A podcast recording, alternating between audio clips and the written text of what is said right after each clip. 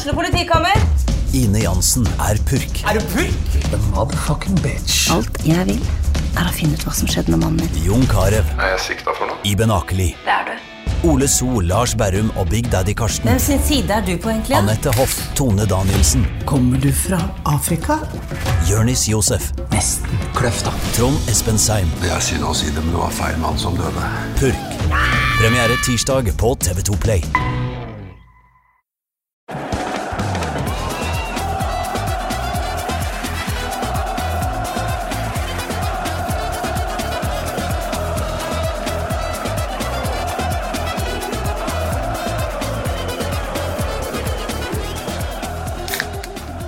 Haha, den beste lyden i uka. Menn knekker seg en pils og skal snakke om et eller annet eh, fotballrelatert i eh, ukas Pyro og Pivo. Denne gangen så handler det om eh, videodømming, eller VAR. VAR i hulaste skal dette gå. Funka utrolig dårlig, og jeg ser at en av dagens gjester, Nils Henrik Smith, du rista nesten oppgitt på huet. Men velkommen skal du være for det. Takk. Eh, Du er jo eh, kanskje mest kjent som eh, forfatter, nynorsk-twitrer og Josimar-skribent. Men du er også en fyr som mener ting. Det hender. Hva er din, dine grunnleggende tanker om videodømming? Min grunnleggende tanke om videodømming som om de fleste større endringer innen fotballen er at fotball har hatt enorm suksess med å være relativt konservativ når det gjelder å gjøre store, dramatiske endringer i sjølve spillet eller eh, det som omgir det. Eh, samtidig så må en jo erkjenne at de gangene en har gjort dramatiske endringer, som f.eks. Eh, endringen i offside-regelen i 1925 eller eh, tilbakespillsregelen i 1990, så har det vært ganske suksessrikt. Så jeg er sånn Min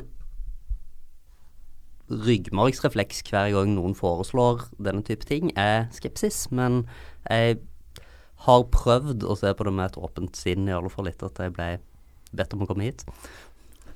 Eh, Are Johaug, du er her for første gang. Velkommen til deg. Takk for det. Du er um, fotballsupporter, kanskje først og fremst, og har, uh, har opplevd VAR på kroppen på fotballtur. Det skal vi komme mer tilbake til. Men uh, sånn hva, hva er ditt forhold til dette, sånn kjapt? Kjappe svaret er um, skeptisk her også. Um, kort fortalt så føler jeg at det stjeler det som er vakkert ved vårt spill. Det var kort og konsist.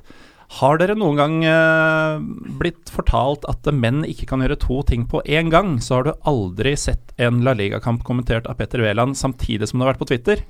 Norges beste multitasker, velkommen til deg. Takk for det, det var hyggelig. Jeg skjønner, jeg skjønner jo nå hvorfor jeg er her som fjerdemann, for jeg er ikke skeptisk. Nei, du er eh, Det ser jo ikke lytterne, men du er faktisk most inn i et hjørne. Det ser akkurat nå ut som vi har rotta oss rundt eh, deg uten å se å flykte til, men eh, du tar fighten, du. Ja da, jeg tar feiten med det jeg mener er gode argumenter. Men vi får se, vi får se hvor vi havner til slutt. Ja, dette blir spennende. Men eh, for de som eh, bor under en stein, eh, hva er VAR? Skal vi kalle det VAR i Norge, eller skal vi kalle det videodømming? Eller noe annet? Det er jo ikke eh, prinsippet, men selve dommeren som heter VAR. Så sånn sett så er det et litt kunstig begrep å bruke, kanskje. Men Mm. eh, Men eh, det, det praktiseres jo litt forskjellig eh, her og der. I Italia så er det vel eh, hoveddommeren som går og ser på en skjerm, ferdig snakka. I England så har de vel prøvd med andre dommere i en buss, som sitter og ser TV-bilder og forteller da dommeren hva han skal ende opp med å dømme. Men eh, dette er jo noe som har dukka opp gradvis de siste årene, og med vekslende hell, eh, kanskje. Are, vi kan jo starte med din historie. Du var og koste deg med Bundesliga, som man jo skal gjøre helst flere ganger i året. Ja, mm, jeg var um, over og så oppgjøret Mainz-Hamburg um, i oktober, nå i høstes. Um, sånn sett en helt OK match. Ikke noe avgjørende for noen av lagene tidlig i sesongen.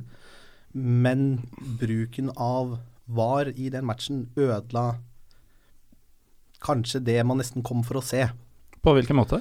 Um, hjemmelaget Mainz leder um, nesten hele andre omgang 3-1.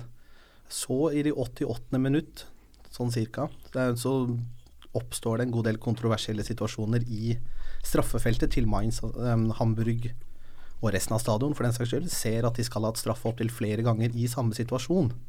Uh, dommeren velger å la spillet fortsette, og som det står i pro, um, protokollene til, til VAR, at du skal helst ikke da stoppe spillet før ballen enten er ute av spill eller befinner seg i nøytral sone.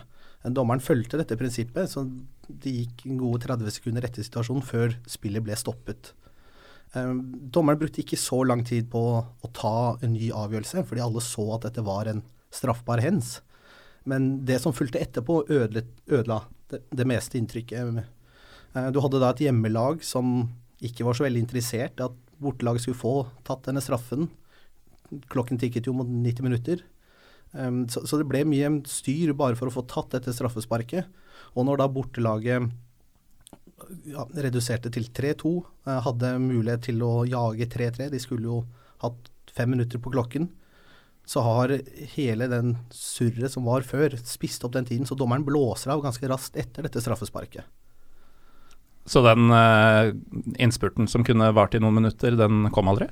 Ja, Uh, som betalende tilskuer så håper vi da kanskje på fem minutter med fullstendig kaos og masse drama, og det ble vi litt frarøvet. Når man ser Hamburg, eh, Nils Henrik, så bør man vel egentlig kreve penga tilbake hvis det ikke blir kaos uh, i matchen? Absolutt. Det er jo uh, kaosklubben par excellence. Men jeg, selv om jeg i likhet med uh, Are er skeptisk til VAR, så så er jeg også litt skeptisk til denne argumentasjonen, fordi den den bygger på at eh, fotballkampen blir spilt for tilskuerne sin skyld, og det blir den faktisk ikke.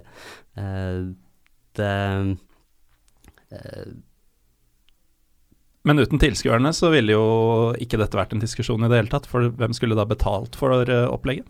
Nei, akkurat hvem som skal betale for den er også en viktig diskusjon som er en av grunnene til at jeg er skeptisk, men, eh, men uansett så er poenget mitt at eh, selv om tilskuere, fans, er veldig viktige, så er de sekundære til spillet i seg sjøl.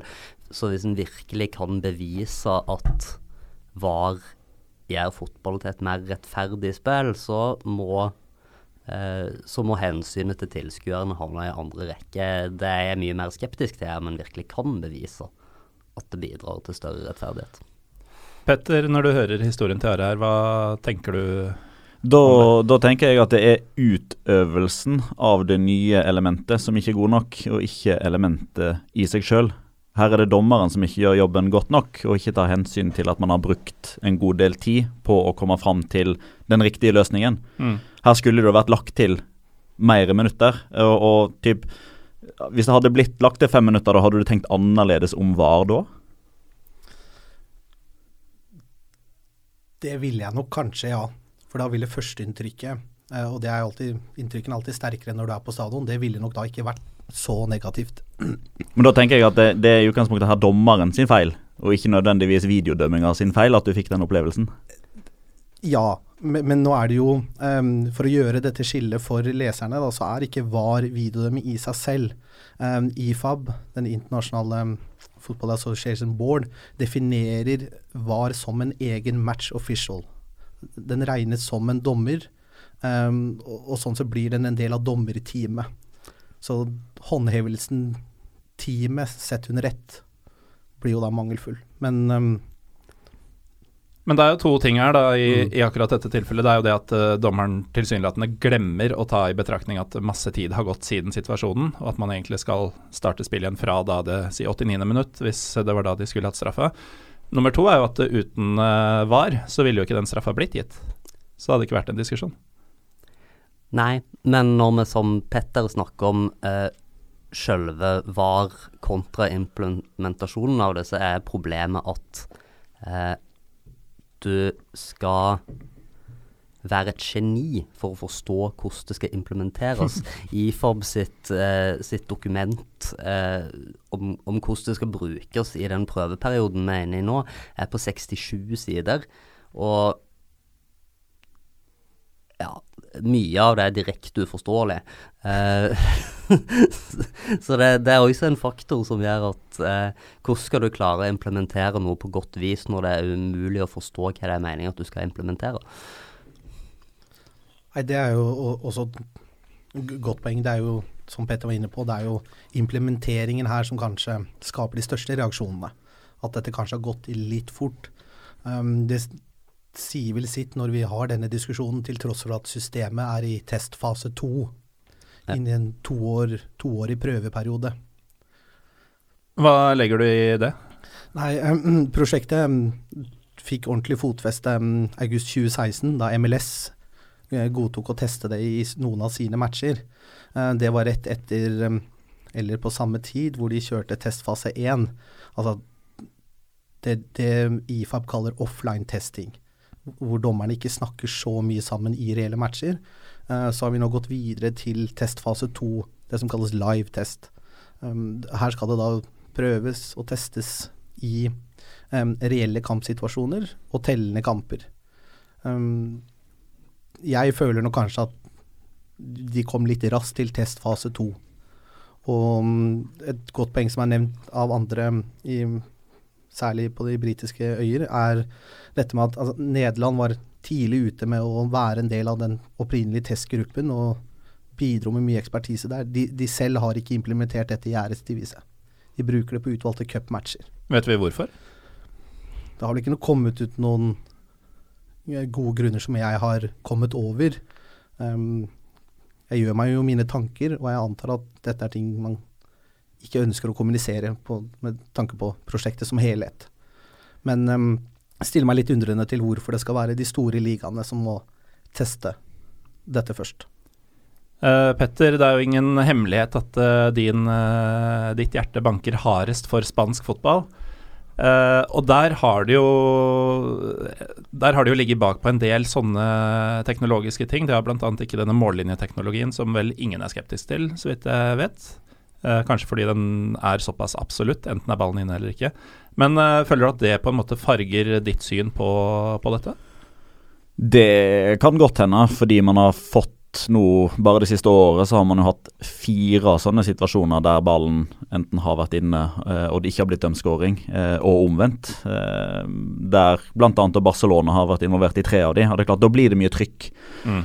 Og, men altså, hoved, hovedgrunnen, det som liksom ligger i bånn for min del, eh, for hvorfor jeg er i favør av at man skal hjelpe dommerne, det er jo at jeg ønsker mer rettferdighet.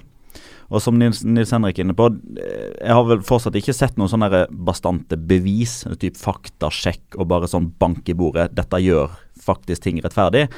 Men jeg antar at hvis man da setter ned eh, dette, eller hvis man implementerer VAR, eh, så vil jo alle bruke det til fotballens beste, og at man da skal få rettferdige situasjoner.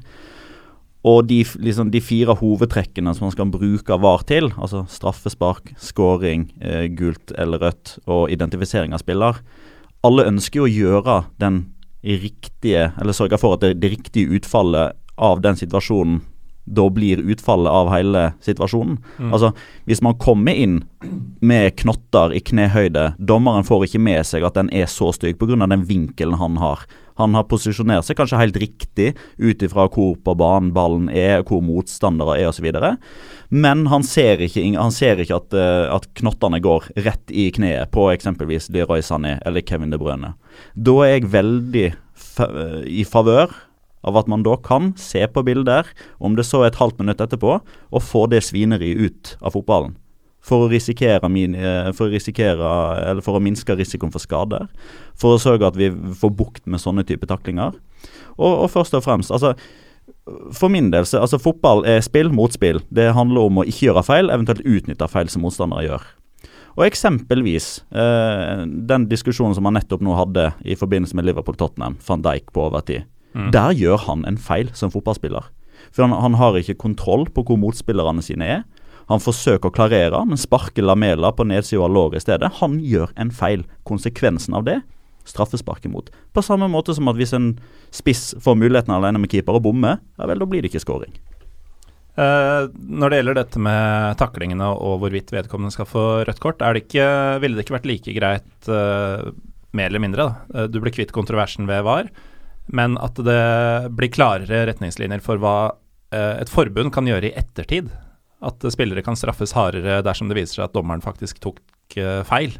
Det hadde vært fint for alle, bortsett fra det laget som da blir utsatt for den taklinga. Men den taklinga ville jo funnet sted uansett. Taklinga ville funnet sted uansett, men hvis man da bare får en eh, karantene i ettertid, så får ikke det Eksempelvis Manchester City da får ikke den fordelen som de skulle ha med å spille mot ti mann resten av kampen. Noen eh, innspill, eh, gutter? Uh, jeg tror at alle, i alle fall de aller fleste, bortsett fra en del engelske fotballtrenere, er enige i at uh, stygge taklinger av den typen som, uh, som, Petter refererer til her, er noe som en vil ha vekk. Men jeg er ikke 100% sikker på at det gjelder alle feilaktige dommeravgjørelser som foretas. Jeg tror det er en god del feilaktige dommeravgjørelser som Altså, så, har du lest Porcetino-intervjuet, da? Hmm? Har du lest Porcetino-intervju? eh, nå tenkte jeg ikke akkurat på det, men jeg tenkte på f.eks. For, for å ta det banale eksempelet, eh, Maradona sitt Guds håndmål i mm. 1986. Bortsett fra i England så tviler jeg ærlig talt på at et flertall av fotballinteresserte skulle ønske at det hadde blitt annullert. Eh, både fordi at eh, det er en, noe av det som gjør Maradona til Maradona. Han gjorde sånne ting, og fortellingen om Maradona ville vært helt annerledes hvis det bare hadde blitt eh, Men så så er jeg ikke uten videre enig i premisset om at alle er enig i at eh, alle feilaktige dommeravgjørelser burde blitt korrigert. Men, eh, men når det gjelder eh, den type ting som vi snakker om her, da, med, med stygge og farlige taklinger, så er det jo omtrent umulig å ikke være enig. Um, ja. Når vi snakker om såpass graverende ting da, som uh, hvorvidt det skal være straffe, hvorvidt uh, riktig spiller skal få det og det kortet, uh, om ballen har vært inne, det er jo for så vidt greit nok. Men hvorfor blir det så mye kontroverser rundt det? For dette er jo noe som de aller fleste vil ha mest mulig korrekt mest mulig av tiden. Are? Det, det, det første er jo det, og da er vi tilbake på implementeringen, altså tidsbruken. Um, hvor lang tid dette tar, og, og tilsynelatende den forskjellige praksisen i de forskjellige landene. Det um, må, kan jo gjøre seg noen tanker når disse uh, ulike landene skal sette sammen dommerteam til internasjonale mesterskap som VM-EM. Hvem, hvem, vei følger vi da? Tar vi, det, tar vi på en måte den britiske um, tolkningen av hens ved straffer f.eks., eller tar vi et annet lands? Ja, for du mener at uh, britisk og italiensk f.eks. Uh, tolkning av hens er forskjellig? Ja, litt i hvert fall. Om hovedprinsippene er, er de samme, som det også er for VAR i alle land som tester dette, så, så blir praksisen ulik uansett. Um, Men hvis VAR er uh, implementert i, uh, i VM f.eks., så ville du ha hatt den problematikken uh, dersom det var en italiensk dommer eller en engelsk dommer f.eks. Men det, vil det ikke da i stedet bli en slags uh, felles norm for hva som er hva? Jo, det må vi håpe at, at, de får stablet på bena inntil dette begynner å brukes i VM-EM. Men um, i og med at VAR er match official, så kan vi havne opp i situasjoner hvor dette blir en diskusjon mellom match official på banen og vedkommende i, i videobåsen. Um, Men da er det jo hov hoveddommer som har typ, da, da, er det hoveddommer ja, som bestemmer? Ja. Um, regelen er jo også sånn at hoveddommer skal jo ta en avgjørelse først uansett. Avgjørelsen kan jo være å ikke blåse. Og det åpner for at videodommerne i senere tid kan tipse da, hoveddommer om at denne burde du kanskje revurdere en gang til. Men um, Som i tilfelle Mainz Hamburg? Ja. Um, til det Petter sa, da, altså, hvor lenge skal de da diskutere før hoveddommer skjærer inn? Um, Liverpool-West Brom-matchen, som vi alle sikkert husker godt. Den ene avgjørelsen tar jo over tre minutter. Ja, dette er noe folk kommer tilbake til, uh, i hvert fall skeptikerne, er dette med tidsbruken. Mm. Jeg husker da, da VAR virkelig begynte å, begynte å, komme inn nå i høst i uh, tysk fotball, i italiensk fotball, enkelte cuper rundt omkring, så var det folk som satt med stoppeklokke for å liksom ta var på dette. Uh, Petter, du, uh, du, er jo ganske glad i fotball. Uh, argumentet for de, de, som bruker dette med tid, da, er jo bl.a. at kampene blir lenger. Ja, altså det, det, er vel bare mer sånn for å uh, ha et motargument. Altså Jeg er jo helt enig i at uh, eksempelvis tre minutter på en dommeravgjørelse altfor lang tid. Samtidig så er jo jeg veldig sikker på at etter hvert som man blir vant til å bruke dette systemet, så vil man slipe av noen sekunder her, noen sekunder her, noen sekunder her, noen sekunder her. Og når man da har hatt dette her en periode, så kan man diskutere om man kanskje skulle ha testa litt mer offline uh, kontra faktisk ha det i kamper som har av betydning. Da er, man, da er man inne på litt mer sånn teoretiske ting, mer enn praktiske ting. Jeg tenker at det kommer sånn som går seg til. Eh, jeg tenker at man blir vant til det og på mange måter aksepterer det. Men så kommer det òg litt sånn an på, på, hva slags type innfallsvinkel man har til dette her utgangspunktet. da. Altså Jeg er i utgangspunktet en, en type som er litt sånn åpen for nye ting. Eh, jeg klarer ikke å engasjere meg like mye i eksempelvis om fotballskoene skal være svarte, eller om man har 1 til 11 eller 99 på drakta. Sånn jeg, jeg, klarer ikke å engasjere meg så veldig mye over det. Og da klarer jeg samtidig heller ikke å føle noe sånn ektefølt negativitet over at man kanskje må sitte og se fotball i ett minutt til. Og her, her er, Det er litt sånn øye som ser, da, men det, altså den situasjonen som jeg pleier å trekke fram da, det er Roma Cagliari. 0-0. Fram til en skåring, eller muligens skåring på overtid, Federico Fasio, som setter inn 1-0. Folk går bananas, og så merker de at oi, her skal det ses på video. Og den spenninga som bygger seg opp i løpet av det minuttet, halvannet det tar, før dommeren da til slutt bestemmer seg for at ja, dette her er skåring, det er fantastisk TV-underholdning for min del. Så kan det hende at de som sitter på stadion har en annen opplevelse, men med all respekt, det er 70 000 eller 50 000 i akkurat den kampen, kontra millioner av TV-seere. Nils Henrik, han brukte underholdning.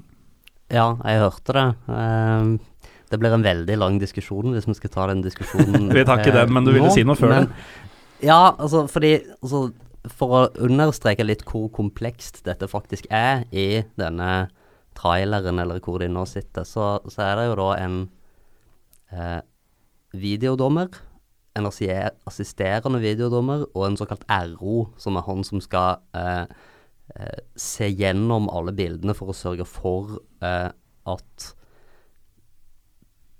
at alle vet at videodommeren og assistentvideodommeren har fått se alle de bildene som produsenten har til rådighet. Eh, altså en slags forsikring mot at de bildebevisene blir manipulert. Eh, og det er både veldig komplekst for de som skal ta disse avgjørelsene, da så ideelt sett på så kort tid som mulig. Eh, men så er det jo også, som vi kanskje kommer til litt seinere, eh, et snakk om eh, veldig omfattende ressursbruk. Mm. Eh, der det må være lov å spørre seg om dette virkelig er så viktig og vil medføre så stor forbedring for fotballen at en bør bruke disse ressursene på det og ikke på noe annet. Det er jo et viktig poeng her, fordi uh, du vil jo i praksis, hvis VAR blir uh, forholdsvis standard, da, som uh, på øverste nivå i forskjellige ligaer, så vil du jo faktisk ha samme regelverk, men forskjellig måte å forholde seg til det. Og også forskjellig tempo i kampene på f.eks. juniornivå og toppnivå. og det finnes vel også mulighet for at en del land og ligaer ikke har råd til å investere i denne teknologien, som gjør at de eventuelt kan sakke akterut da, i i eh, ytterste konsekvens. Eh, Petter, har du noen tanker rundt, eh, rundt dette? At forskjellen vil øke? mellom proff og grasrot, eller? Men, ja, altså det, det, er et argument som jeg forstår imot. Eh, altså eh, Det blir et kanskje enda større skille da mellom den absolutte toppfotballen og kall det grasrotfotball. Eh, Men igjen, så Altså De som er skeptiske til, til dette nye systemet, da da, altså, når jeg antar at Hvis man er skeptisk til noe, så ønsker man egentlig å ha det sånn som det er. Eh, eller man, man, stiller spørsmålstegn ved, ved, disse nye tingene. Da blir jo på mange måter grasrotfotballen litt sånn som man ønsker å ha det. Og så blir man på mange måter Kall det gjerne liksom Klarer du å komme deg til toppfotballen, så blir du premiert i form av at her får man faktisk mer korrekte avgjørelser. Men jeg, jeg ser absolutt argumentet om at det skaper et klasseskille her. Men, men, men jeg syns ikke altså, Nå har fotballen blitt så stor, det er så mye penger involvert. Dommerne blir satt under et vanvittig press. Det er den mest utakknemlige jobben du kan ha i verden. Altså du Hvis du har en fantastisk prestasjon, så blir du kalt for usynlig. Altså Det er den største rosen du kan få. Ja, dommeren var usynlig. flott. Gjør du en feil, så blir du hunsa og hetsa av alle som er på tribunen. Og når det da står så mange penger på spill, så, så kan det faktisk da til syvende og sist være en dommers feilaktige eh, synsvinkel som kan være med på å avgjøre om det ene eller det andre laget vinner et VM-trofé. Da går det litt på rettferdighetssansen min, og det trumfer det aller meste andre. Eh, Are? Ja, um, raskt tilbake til det Petter sa om at man gradvis blir bedre. Det, det viser også tallene um, fra MLS bl.a. Um, fra år én til år to så kuttet de i gjennomsnitt 19 sekunder av den klokken. Uh, og tidsbruken snitter nå på rundt minuttet.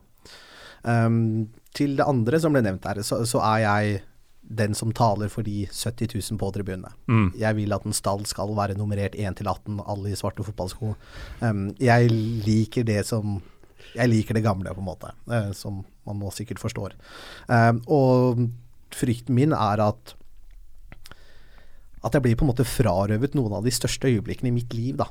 Um, Nils Henrik var inne på at kontroverser, på godt eller vondt, er en del av vår fotballhistorie. Um, jeg også er like glad i den Guds hånd som på en måte på alle andre, selv om det var juks. Um, og ja, um, kan jo avsløre det at jeg er Lillestrøm-supporter og var på god vei over på matta når vi tok cupen i høst. Hva stoppa deg? Ja, det var 500 andre som tenkte det samme. Men, og så er det kameraer der?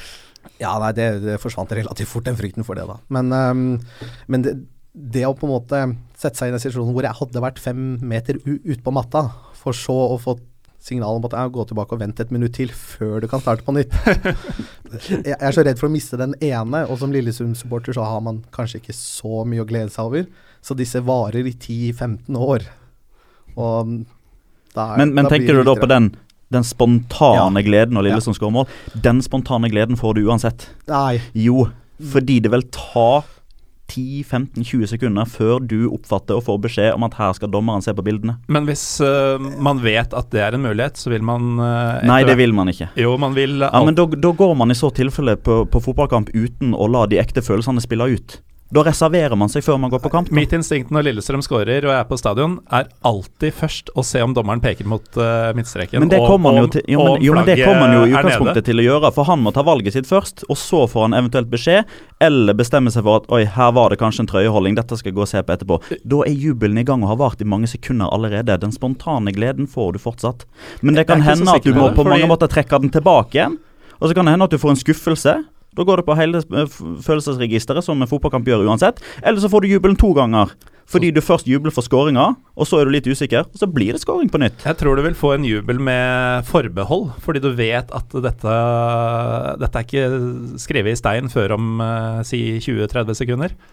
Uh, og det opp, tenker jeg på som problematisk. Jo, men for, for, for, å ta et For å forsøke å sette et annet perspektiv på det, da. Hvis du, hvis du går på Åråsen, Lillestrøm møter Vålerenga, Lillestrøm får straffe, jubler du da? Du veit jo ikke at det blir scoring, men du jubler fordi du får muligheten til å skåre dette målet. Det, det, det, er et godt poeng, men um, jeg, jeg, tror på langt sikt så vil det, det snike seg inn en sånn begrenset jubel helt til du vet. Og det er ikke noe som er bedre innenfor fotballen å bare ta tak i den som står ved siden av deg, du, gudene vet hvem det er, og bare hemningsløst kaste seg ut i et semidårlig tribuneras på Åråsen. det de rasene var bedre før? De rasene var bedre før. Da hadde vi bedre trening på å kjøre de også. Men, men det er noe med det der de, de, Det er de minste tingene i fotballen som kanskje betyr mest for meg, da. Og jeg er nok kanskje en sånn tribuneidiot som syns det er moro på vårparten når det, det faktisk lukter gress. Det har regna litt kvelden før. Jeg ser, jeg, ser, absolutt det poenget der, altså. Jeg gjør det. Men, men det blir liksom sånn som så med alt annet. Om man får noe, man mister noe. Man gir noe, man tar noe kan det jo eksempelvis vise da, eller altså Et annet eksempel, og det blir jo veldig søkt, det blir tenkte scenarioer. Vi må forsøke å forestille oss hvordan, hvordan dette her blir. Hvis du sidestiller den opplevelsen eh, som vi har snakket om nå, med at du kanskje jubler med 10% reservasjon eller sånn, kan ikke det på mange måter bli kompensert for litt seinere ved at eh, Sorry, Pål André Helland, men du filma. Den straffen som er dømte, den får dere ikke likevel. Du kan få den i retur der, der, skal jeg gi deg rett. Du, du, kan få mye sånn positive opplevelser. Som Lillesund-supporter så vet jo alle at eh, Rosenborg får en offside-scoring godkjent eh, hvert år. Så, så, vi kunne gledet oss mye over det. Men um, jeg er nok villig til å til å slå meg til ro med at dommerne gjør feil, akkurat som fotballspillere, trenere, alle andre. Og så um, får vi gå hjem med den skuffelsen og heller diskutere dette. Um, og, og det, er som Petter sier, det er, det er øya som ser. Det, um, og det er det jo også med en eller annen var uh, i en trailer utafor stadion. De også er jo mennesker. Brede Hangeland skrev jo nå en blogg på TV 2 om uh, kontroversen i kjølvannet av uh, Liverpool-Tottenham. Hvor det jo var et par situasjoner som fortsatt en dag i dag, snart en uke siden nå, til tross for VAR og til tross for 100 000 repriser og 40 eksperter som skulle veie inn med sin greie, man er fortsatt usikker på hva som var hva det er et godt poeng. Og i hvert fall når man så um, Gallagher og Clattenburg havne i diskusjonen etterpå, hvor han ene mener at dommeren gjorde feil i to av to, og han andre mener at dommeren gjorde riktig i to av to. Så det, dette med alle avgjørelser skal være riktig, de tror jeg ikke vi vil komme uansett. Um, og man har kontroverser fra testlandene hvor selv videodommeren gjør feil. Og da, um, når kampen da blåses av, så kan man ikke gå tilbake på dette. Fordi han er en dommer, og feilen er gjort under kamp. Men det hadde jo ingenting med videodømming å gjøre. Uh, den kampen? Liverpool-Tottenham? Nei. Nei, det er mer uh, Vi så vel for oss mer skrekkscenario hvis alle de situasjonene hadde blitt kontrollsjekket. Og det er kanskje det mange av skeptikerne med meg er redd for. At dommeren, hoveddommeren velger å legge seg på den lista at han ikke blåser, for den vet at den kan bli reddet av en kollega i bua. Um, og det, det, det, vil man aldri vite. Det står riktignok eksplisitt i disse veldig, eh, veldig kronglete retningslinjene at dette skal dommeren ikke gjøre. Eh, det står at han skal dømme som om VAR ikke eksisterte. Ja. Eh, men, men rent de... psykisk så, så, er det jo lett å se for seg at han blir ja. påvirka av vissheten om at det Og det å ikke dømme er jo en avgjørelse også. Ja. Så du kan i praksis bare løpe videre uten at noen forstår hva dommeren har lagt an som taktikk her. Og jeg ville tro at um, Petter nevnte VM-trofeet i stad. Um, jeg tror nok det vil komme dommere som velger å ikke blåse fordi de vet at dette kan bli kontrollsjekket i bua. Fordi matchen nettopp er så stor i seg selv. At du tør ikke å eh, legge ditt hode på hoggestabben. Der kan vi jo ta VM-finalen i 1990, der eh, Vest-Tyskland får straffe. Eh, det er såpass tydelig at det ikke er straffet. Til og med den vesttyske ekspertkommentator Karl-Heinz Rummenigge sier at det er en presang. Eh, men de får den straffen. Hvis de ikke hadde fått den, så hadde det sikkert blitt straffekonk som Argentina hadde vunnet. Eh, så, så, Petter har rett i at det, dette er ting som kan avgjøre VM-finaler eller, eh, eller Champions League-finaler eller lignende. Det er klart, det. Men hvis vi uh, tar denne Liverpool-Tottenham-matchen uh, og tenker litt på den, da.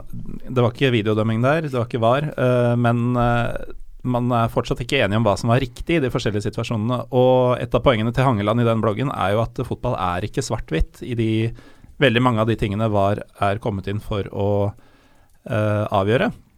Så hvis du da likevel ikke vet om du får det riktige resultatet til slutt, hva er da vitsen? Men nå er vel retningslinjene òg sånn at Altså La oss si at vi, hvis vi tar denne mm, den som da faktisk ble avgjørende, da, denne straffen som, eh, som Erik Lamela fikk når uh, van Dijk var, var involvert.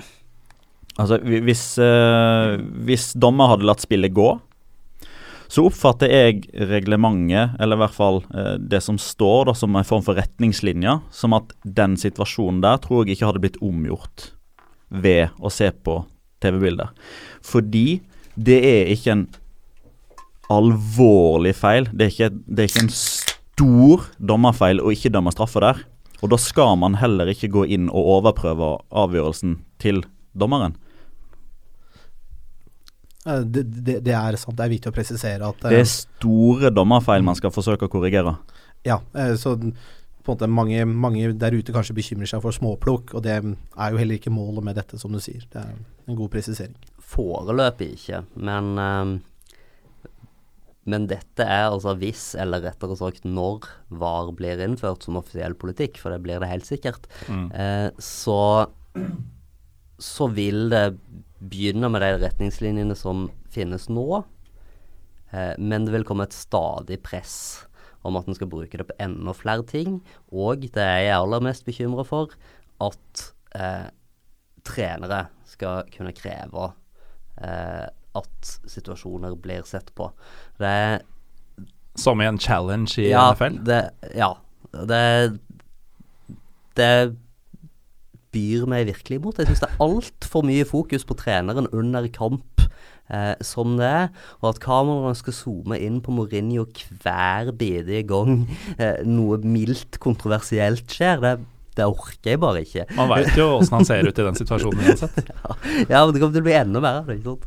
Eh, det er selvfølgelig en liten ting, men det er en ting som eh, ja. Men eh, hva Petter, du som, uh, du som er positivt innstilt, uh, har du noen eksempler på, på når VAR har fungert ekstra godt? Kan det hende at det er mange som er uenig med meg, da. Men jeg syns eksempelvis den situasjonen man hadde i Frankfurt Bayern München, den applauderte jeg. Mm. Uh, igjen, ja, det, det, tok litt lang tid, og det så kanskje litt keitete ut. De som var på stadion, skjønte kanskje ikke helt uh, hva som foregikk. Kan du da, først si hva som skjedde? Og Da var det en Frankfurt-spiller som heter Marius Wolff, som ble utvist for en takling på Hames Rodriguez. Mm. Dommeren var uh, helt åpenbart og ikke i tvil. Opp med det røde kortet. Og så blir det sett på bilder i etterkant. Eh, her er jeg ikke 100 sikker på om det er hoveddommer som går og ser på nytt, eller om man får beskjed fra, fra bussen. Det har jeg ikke helt oversikt over. Men det ender jo med at man går inn i garderoben og henter ut igjen Marius Wolff. For det han gjorde, var ikke verdig et rødt kort. Frankfurt får avslutta kampen med elleve mann, og ikke minst han får ikke karantene i bakkant. Rettferdigheten som spiller inn. Det med karantenen kunne vel vært omgjort i etterkant uansett, muligens. Men, uh, men selve det at han fikk spille, er jo selvfølgelig et godt I hvert fall mot Bayern så trenger du minst elleve mann for å ikke tape 4-0. Ja. Det Petter kom med nå er jo egentlig et, et, et, et, godt eksempel på hvordan dette kan fungere. Og er, det er umulig å si mot at vi alle ønsker mest mulig rettferdige, rettferdige avgjørelser.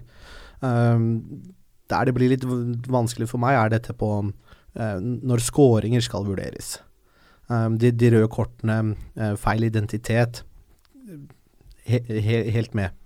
Ehm, der det på en måte åpner seg for kontroverser i fremtiden, tror jeg er dette med um, skåringer. Og nå heter det seg sånn at du, skal kunne vurdere situasjoner helt tilbake til der man enten igjen vant ball, eller at angrepet startet.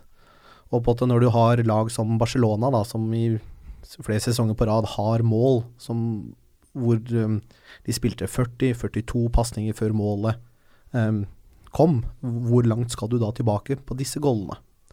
Uh, og Petter tok opp i stad dette med Lamela, at den hadde mest sannsynlig ikke blitt um, altså, om, omgjort uansett, fordi bildene er ikke klare nok, og som du påpeker, så skal det være klar feil.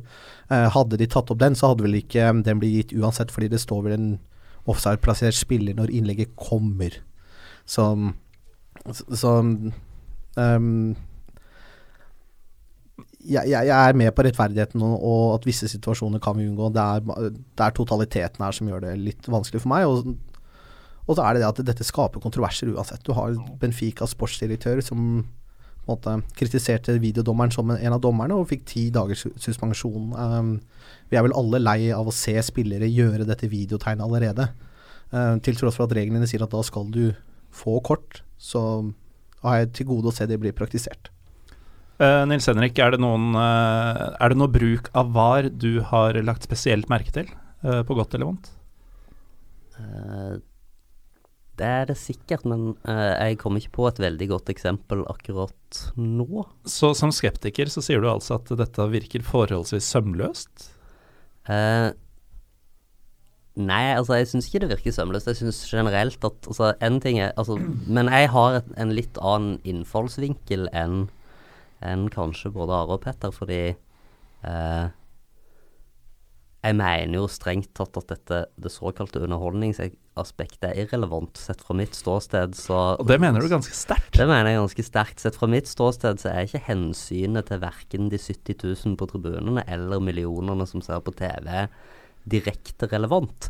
Men der har vi jo alt, alle det problemet at vi noen ganger ser fotball som eh, generelle fotballentusiaster, og andre ganger som fans. Jeg er for en mest mulig rettferdig fotball, men jeg er også for at eh, dommeren overså så i det straffesparket Brann skulle hatt i cupfinalen 1987. Eh, og at det ikke var noen videodommer der som kunne, som kunne Men eh, nei, altså min skepsis er mer på det prinsipielle plan enn på, på hårreisende ting jeg har sett. Men hvis jeg kan komme med en liten historieleksjon Gjør det. Ja. Så eh, fra slutten av 1860-tallet til 1890 omtrent, så foregikk jo dømmingen av fotball på den måten at hvert lag oppnevnte en såkalt umpire. Eh, og disse skulle da ved tvilsituasjoner forhandle seg fram til en løsning. Noe som sannsynligvis tok en god del tid lenger enn var. Høres ut som en fryktelig idé. Ja, og hvis de ikke ble enige, så var det en hoveddommer eh, som de kunne gå bort til. Han sto liksom eh, ved midtstreken på sidelinja, og, eh, og så kunne de spørre han eh, om han hadde noen synspunkt, og så ble det gjeldende. Men det var ikke før i 1891, da straffesparket ble innført, at denne dommeren faktisk tok steget inn på banen, hvorpå de to umpirene ble linjemenn, og eh, det systemet vi har kjent fram til i dag, ble veiledende. Men det er interessant at for 130-40 år siden så hadde en et system som faktisk har en del fellestrekk med det VAR-systemet som en prøve ut nå. Det her var uh, splitter ny informasjon for min del. Uh, men uh, Petter, du nevnte tidligere i dag at fotball har vel aldri vært større. Det er verdens største idrett. Det er verdens mest populære idrett. Den vokser og vokser. Aldri har flere sett på TV. Aldri har det vært flere spillere. Hvorfor forandre på noe? Nei, det er jo et godt spørsmål. Altså, Ting funker jo sånn som det er nå. og så kan man liksom spørre seg kan det funke enda bedre. Man sa kanskje det samme før 1990 og tilbakespillsregelen? Ja, og offside sikkert i sin tid òg, uten at jeg i det hele tatt var påtenkt på det tidspunktet. Men altså, sånne store endringer, da. Det er som regel skepsis til det i begynnelsen. Og så er det litt negativitet rett etter at vi får endringer, fordi da ser man eh, på mange måter òg noen negative konsekvenser. Men etter hvert så Jeg har en forestilling om at dette her går seg til. Så har jo Nils Henrik òg helt rett i at de som sitter og ser på TV, de som er på stadion, er egentlig sekundære. Det, det, altså det dette betyr noe for, er jo de som er direkte involvert i fotballen. De som utøver idretten, og de som trener lagene etc. Det, det er jo hovedeksponentene. Og som du sier, Morten, fotball er verdens største idrett. Hvorfor skal man ikke være mer opptatt av rettferdighet i den type idretten enn hva man er i egentlig stort sett alle andre idretter? Altså Nå går vi inn i, uh, i et vinter-OL. Hvis en, uh, en uh, utforkjører kjører på feil side av porten, så blir han diska. Enkelt og greit. man går ikke ned i en sånn der dommersone etterpå og argumenterer for at ja, men jeg fikk dog på brillene, så jeg så det ikke. Altså, Der er det strikt. Sammen med curling hvis den uh, curlingkula, eller hva det er for noe det heter, hvis den er nærmest Hvis steinen er nærmest midten, så får du det ene poenget, og sånne type ting. Der er det klinkende klart. Håndball har klart å få på, på en for, Eller det har vel egentlig aldri vært et problem i håndballen med, med, med spillere som flokkes rundt dommer, eller som de kaster bort ballen, eller sånn. Altså Blåses det, ballen legges drød. I fotball så er det så mye forsøk på juks, fanteri lurer, lurer til seg eh, straffespark, eh, faker skade og sånne type ting fordi det ligger så mye i potten. Og så sier man liksom alltid sånn ja, men åh, Hvorfor gjør de dette her? Det er så mange kameraer her. De blir latterliggjort på, uh, på verdensveven de neste fire dagene. Men nå får det faktisk konsekvenser òg, med at du får ikke den straffen hvis du hiver deg uten kontakt og sånne type ting. Og da har man, etter mitt syn, da, en helt fantastisk mulighet til å få bukt med et av de største problemene innenfor fotballen. For nå blir man faktisk tatt for det. Nils Henrik. Uh, ja.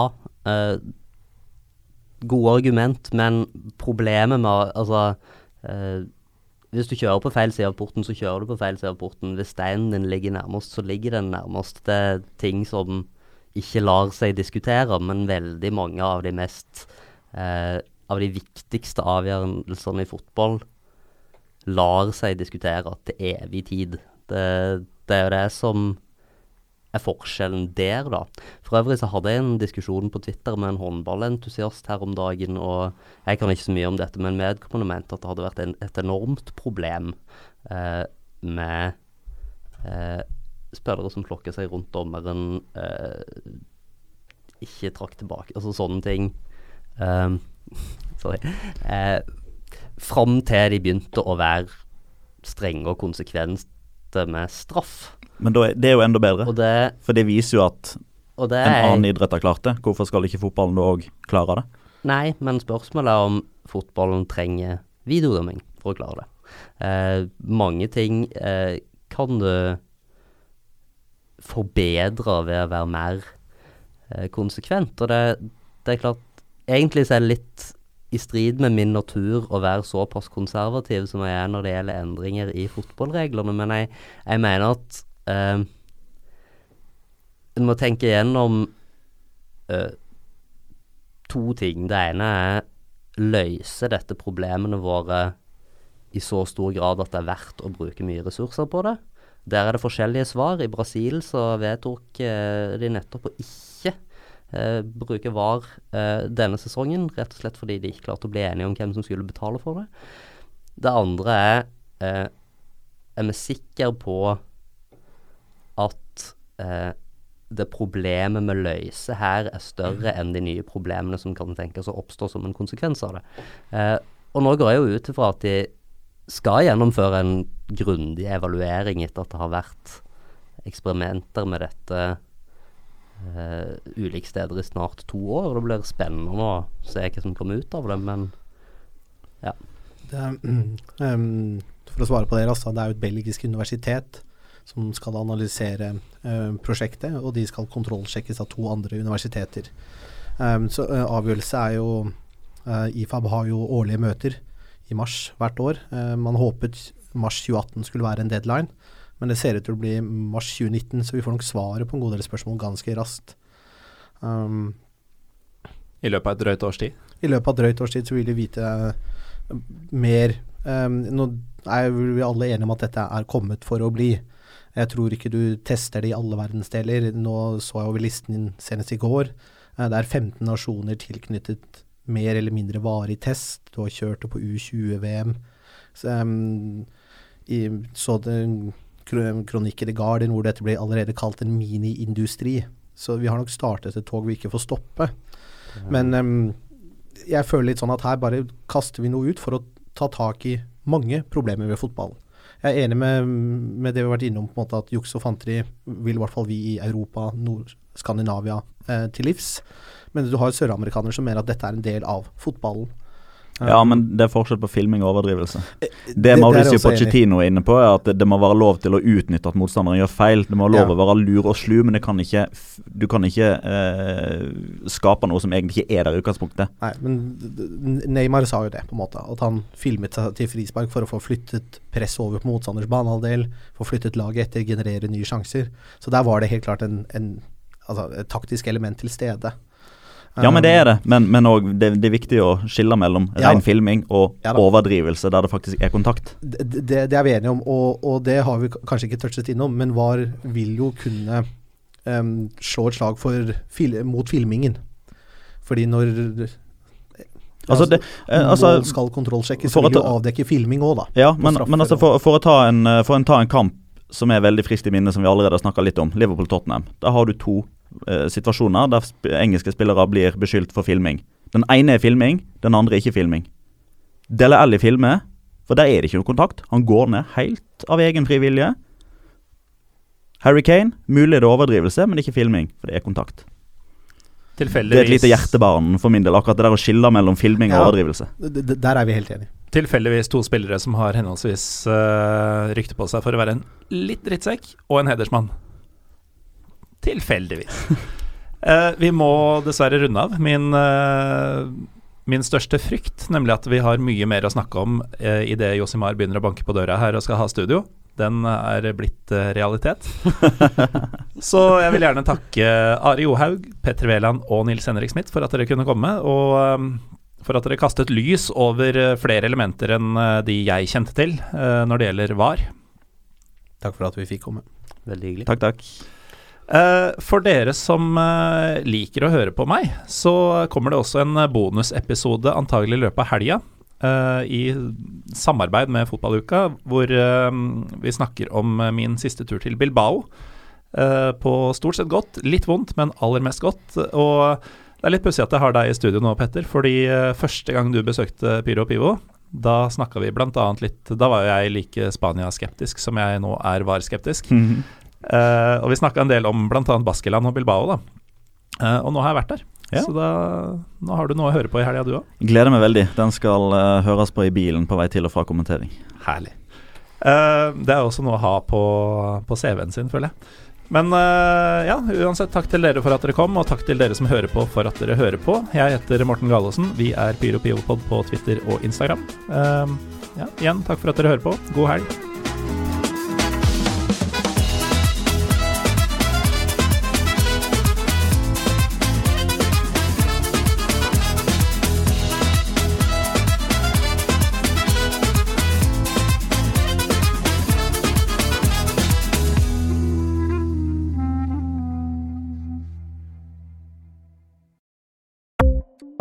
Ukens annonsør er HelloFresh. HelloFresh er verdens ledende matkasseleverandør og kan være redningen i en travel hverdag. Mange av oss har nok vandret i butikken både sultne og uten en plan for middagen, som ender med at vi går for de samme kjedelige rettene gang på gang. Middag burde være dagens høydepunkt. Som HelloFresh kan du nå velge mellom 25 ulike retter hver eneste uke, eller få HelloFresh til å sette sammen menyen for deg. Dette gir deg muligheten til å prøve nye og spennende retter alene eller sammen med familien. Du velger antall porsjoner og får alt levert på døren på et tidspunkt som passer for deg. Oppskriftene er enkle, og maten er lett å lage både for store og for små. Ved å få alt levert hjem får du også mer tid til å dele matgleden med familie og venner. Kanskje det frister med asiatiske tacos eller greskinspirert kylling? Da kan jeg anbefale deg om å gå inn på hellofresh.no. Her kan du bruke koden FOTBALL og få opptil 1779 kroner i rabatt på de første fem matkastene hvis du ikke har prøvd Hello Fresh tidligere. Du kan også bruke rabatten hvis du har vært kunde og stoppet abonnementet ditt for tolv måneder siden eller lengre. Gå inn på hellofresh.no og bruk koden FOTBALL. Har du et enkeltpersonforetak eller en liten bedrift? Da er du sikkert lei av å høre meg snakke om hvor enkelt det er med kvitteringer og bilag i fiken, så vi eh, gir oss her, vi. Fordi vi liker enkelt. Fiken superenkelt regnskap.